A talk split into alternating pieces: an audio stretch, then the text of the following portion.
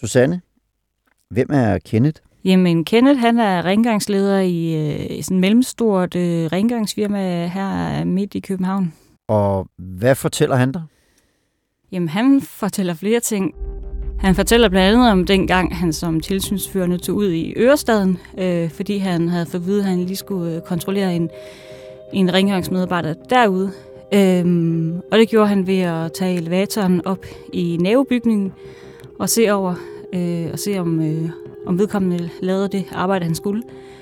Øh, og det gjorde han øh, sådan set. Men der gik også øh, fire andre personer og gjorde rent sammen med ham. Og hvem var de? Jamen, de var hans øh, familiemedlemmer. Øh, og de var egentlig ikke ansat til at gøre rent. Så der går fire familiemedlemmer og arbejder, som virksomheden ikke aner noget som helst om, og som måske overhovedet ikke kender til arbejdet som professionel rengøringspersonale. Ja. Er det noget, der er udbredt? Det er der er flere, der fortæller mig, det er det. Og den 22-årige kvinde, der døde under en rengøringsopgave på en skole i Ballerup, selvom hun slet ikke var ansat, var hun på arbejde med sin familie? Ja, hun var datter til en, der var ansat.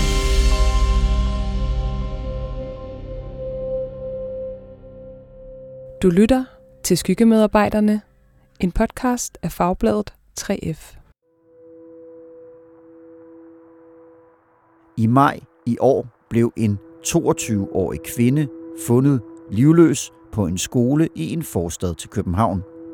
Senere på aftenen blev hun erklæret død på Rigshospitalet. Men hvordan kan det ske, at man dør af at gøre rent? Det er sådan lidt en sparet affære. I fire afsnit undersøger Fagbladet 3F en skyggeside af rengøringsbranchen. De sidste par år er det faktisk eksploderet. Og kan du ikke nå det, så er det jo principielt too bad for dig. Det gør forhåbentlig, at der er nogle virksomheder, der tænker sig meget, meget, meget grundigt om. Pisse lige glad. Too bad for dig. Episode 2. Susanne, da de finder den her kvinde livløs i en øh, rengøringsmaskine, der ringer de naturligvis 112 med det samme. Ja, og så ankommer de jo med det helt store udstyr. Der er akutlægebiler, der er ambulance, der er brandbiler og politi. Og øh, samtlige af de rengøringsmedarbejdere, der er på skolen, de tager jo så med øh, kvinden på, ind på ride, hvor hun bliver kørt til. Og det, der så sker, det er, at umiddelbart efter, der kommer politiet jo og skal undersøge, hvad er der sket sådan et sted, hvor der har været en ulykke. Og arbejdstilsynet kommer også forholdsvis hurtigt for at gå i gang med at finde ud af, hvad er der egentlig foregået her.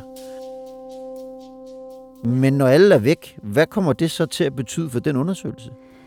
Øh, jamen det betyder jo, at dem, der var til stede, da, da ulykken skete, eller umiddelbart efter den skete, øh, ikke, kan, ikke er der til at svare på arbejdstilsynets spørgsmål. Så øh, den tilsynsførende og den serviceleder, øh, der møder op, øh, de kan jo ikke rigtig svare på, hvad der egentlig er sket og gået forud. Øh, og så betyder det jo også, at øh, nu hvor vi ved, at hun ikke var ansat hos virksomheden, så er der jo en masse af de her standardspørgsmål, som arbejdstilsynet finder ikke relevant, fordi hun var jo ikke ansat, så hvorfor er det interessant øh, så at vide, hvordan hun var blevet instrueret. Så det forklarer, hvorfor der er så mange huller i den her ulykkesrapport fra arbejdstilsynet. Men du sætter dig for at undersøge, om det her med at tage familiemedlemmer med på arbejde, det er et udbredt fænomen. Og det er så her, du kommer i kontakt med Kenneth, der kan fortælle, at det er det. Ja, Kenneth er jo ikke hans rigtige navn, øh, men han øh, vil jo ikke stå frem med det her, fordi han er bange for at, at blive fyret. Øh, men han er rigtig glad for, at det bliver sat fokus på det her, fordi at det har været et problem i branchen i mange år. Han fortæller også, at det, er, øh, det bliver ikke rigtig taget seriøst, når han prøver at i talesætte over for sine medarbejdere, fordi at øh, det er jo sådan lidt, hvad kan der ske ved at gøre rent? Det er jo bare en hjælpende hånd. Øh, vi går alle sammen rent, uden at det, der sker noget særligt ved det. Øh, og han siger, at hvis det, her, hvis det nu ikke var en dødsulykke, der var sket, hvis det bare var en brækket arm eller sådan noget, så havde vi jo ikke hørt om det. Godt. Men kan jeg få dig til at, øh, at præsentere dig selv? Jeg hedder Randi Smetstorff, og jeg er gruppeformand her i 3F Aarhus Rymarken for gruppen, der hedder Privat Service Hotel og Restauration. Det er en del år siden, at Randi Smitsdorf første gang støtte på problemet med rengøringsmedarbejdere, der tager familiemedlemmer med på arbejde. Jeg kan ikke huske tidspunktet, men jeg kan huske, det var en virksomhed oppe i Randers. Og jeg kan huske, det var min kollega Leif Christensen, som er mange år siden, der er gået på pension, der kom ind og sagde, prøv at se, hvad det er, der er sket her. Og hvad var det så for en sag? Jamen, det var en sag med noget rengøring på en restaurant, hvor, hvor øh, de skulle gøre rent efter lukketid eller inden åbningstid. Øh, og så er der nok måske nogen, der tjekker på den. Og så vender de tilbage med det der, jamen vi har jo haft øh, øh, far med og søn, så vi kunne lige nå det på den her hurtige måde. Og det er ikke bare rungen i vandrørene og enkelte eksempler, det handler om. Problemet med familiemedlemmer, der tager med på job, er så kendt et fænomen, at det har været skrevet ind i serviceoverenskomsten i 20 år.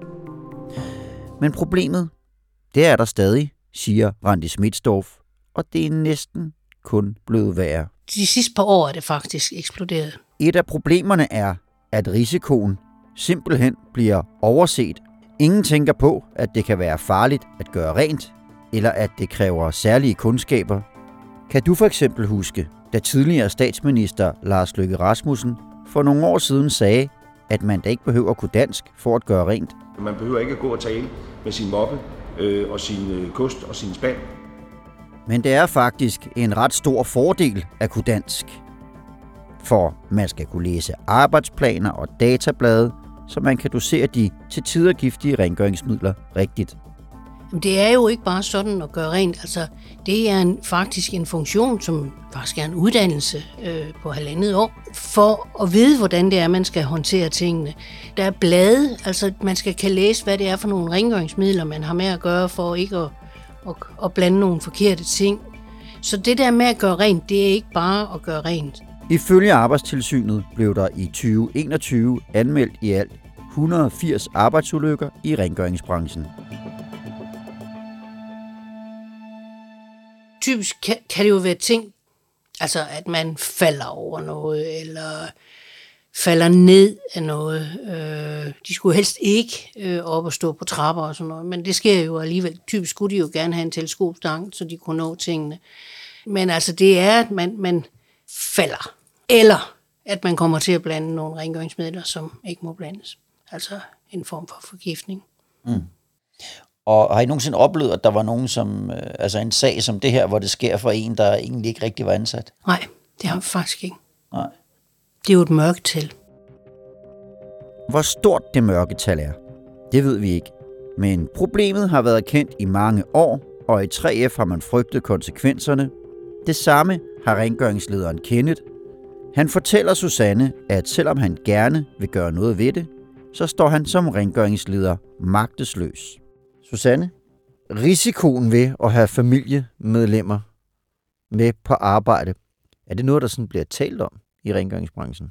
Det er jo noget, som arbejdsledere og tilsynsførende slår ned på, når de ser det. Øh, de siger, at problemet er, at vi kan jo ikke kontrollere alle hele tiden. Øh, der er rigtig mange, der går alene, øh, og så kan man ikke øh, kontrollere, hvem de er med på arbejde. Men det her, at det skulle gå så galt, er jo, og det skulle være farligt, øh, virker som en meget øh, teoretisk, øh, virker meget teoretisk, og det er ikke noget rigtigt noget, der bliver taget seriøst. I hvert fald ikke indtil den 15. maj i år. Ja, nu havde jeg jo aldrig set det komme, at der var en rengøringsassistent, der kunne blive klemt ihjel på en gulvvaskemaskine. Vel? Altså desværre må jeg jo nok sige, at den historie gør forhåbentlig, at der er nogle virksomheder, der tænker sig meget, meget, meget grundigt om øh, for, for fremtiden. Og måske også få givet informationer til deres medarbejdere om, at det må man ikke. Fordi jeg tror ikke, dem, der, der, der har taget øh, familiemedlemmer med på arbejde, jeg tror ikke, de har troet, at det var forkert. For at forstå, hvorfor problemet opstår, så er det først vigtigt at forstå, hvordan rengøringsbranchen fungerer. De færreste rengøringsmedarbejdere har nemlig en fast 37 timers stilling, som man kender det fra de fleste andre jobs.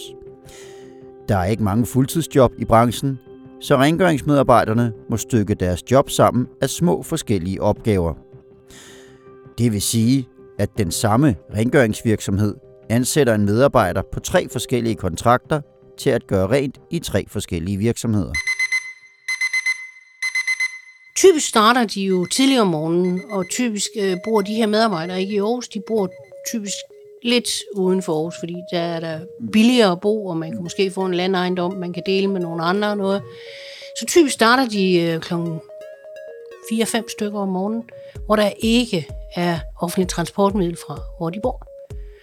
Øh, og så kører de måske ind og tager et sted øh, fra 4-5 stykker til en 6-8 stykker, typisk inden måske en virksomhed åbner.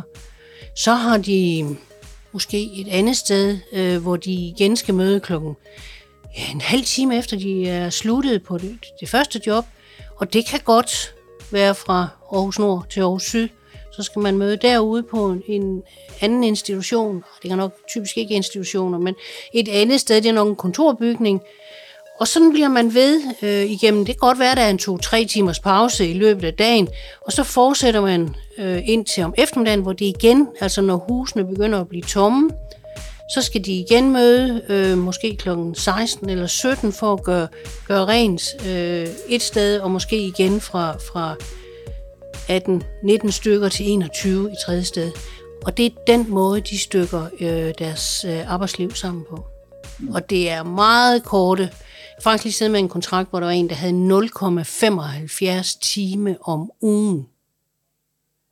0,75 time om ugen. Det er sørme ikke meget. Det hun også oplever er, at samme rengøringsfirma ansætter personale fra samme familie til at gøre rent på forskellige virksomheder.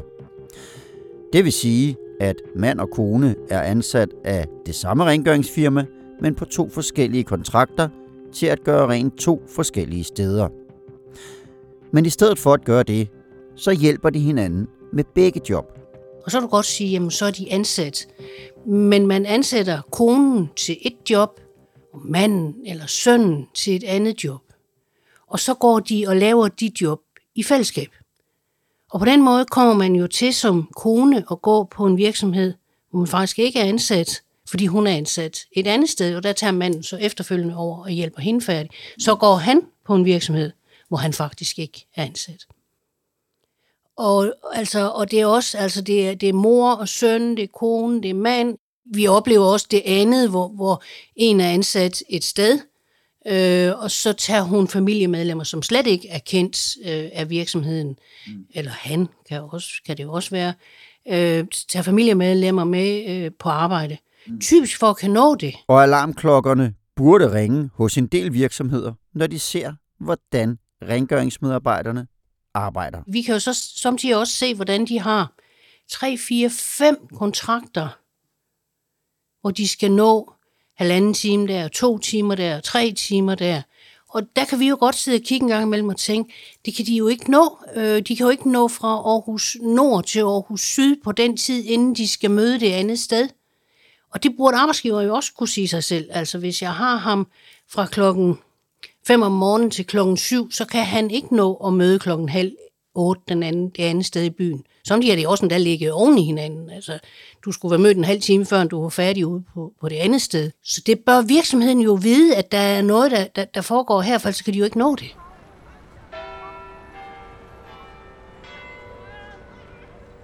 På Rådhuspladsen i København, i Industriens Hus, finder man brancheforeningen DI Service. Jakob Scharf, branchedirektør i øh, Dansk Industri. Rengøringsvirksomheden Kåre er medlem hos DI Service, så her kom nyheden om den unge kvindes dødsfald også som et chok. Altså, jeg blev meget stille, og jeg blev også berørt, og jeg tænkte, åh oh, nej, øh, det er jo en dybt tragisk ulykke, øh, både for, for familien, for de pårørende, men også for kollegerne på arbejdspladsen.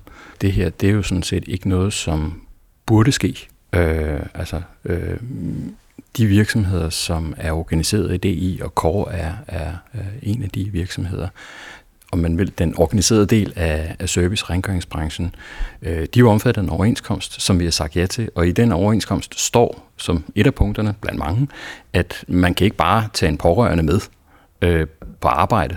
Øh, så det er der jo sådan set klare regler for. Jakob Scharf medgiver, at det kan være svært at opdage, hvis medarbejdere tager familiemedlemmer med på job. grundlæggende, øh, så, så er det jo en lille smule svært øh, øh, og agere på noget, vi ikke har nogen viden om. Det er lidt den udfordring, det dilemma, vi står i her. Og der er vi nok i servicebranchen øh, i den lidt særlige situation, at vores medarbejdere er jo tusindvis af steder rundt omkring. Vi gør jo rent i hele landet. Øh, vi laver mad øh, på tusindvis af kantiner. Vi er over det hele, og vi kan jo simpelthen ikke øh, arbejde på en måde, hvor hvis der øh, går en medarbejder og gør rent i en bygning, så går der en og kontrollerer efterfølgende, om der så øh, om vi har overholdt alle reglerne.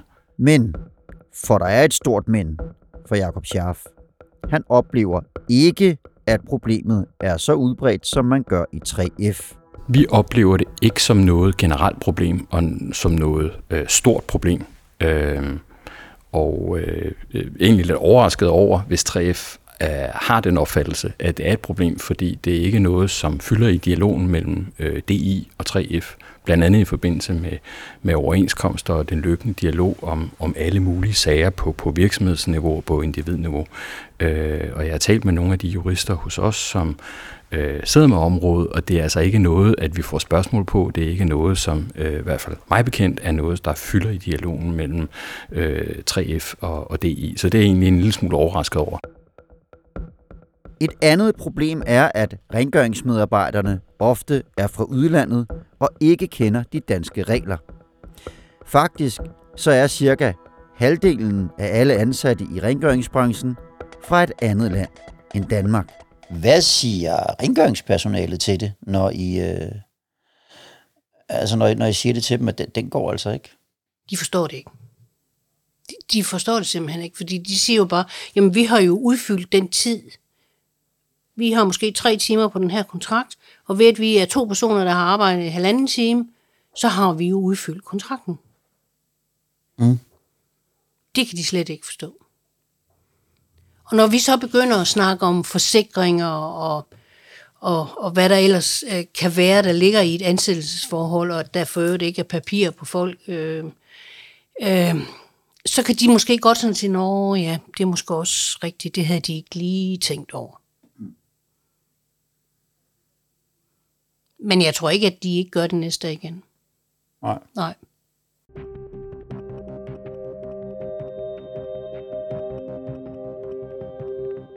Susanne, der er stadig en ting, øh, som jeg ikke forstår. Hvis du gerne vil have, at din ægtefælle eller børn bidrager til familieøkonomien, kunne de så ikke bare tage et øh, job i branchen? Jo, og det er også det, der undrer mig, fordi at øh, rengøringsbranchen, de siger igen og igen, vi mangler folk, vi mangler arbejdskraft, så det burde jo være masser af job at få, øh, hvis man har en bror, søn, søster, mand, der mangler et arbejde og gerne vil arbejde. Øh, så det øh, spørger jeg selvfølgelig også om, hvorfor i alverden er det de her familiemedlemmer, som er på arbejde, i stedet for bare at få deres eget. Øh, og det får jeg flere forskellige svar på. Øh, og der er nogle af de svar, som ligesom kræver en, en dyb indånding, øh, for eksempel inde i 3F. Og hvorfor? Jamen det er fordi, det er lidt penibelt. Susanne Junker har været i kontakt med Kåre i sin research til den her historie. Og Kåre har besvaret hendes spørgsmål på skrift. Vi har også tilbudt Kåre at stille op til et interview i den her podcast. Det har de takket nej til.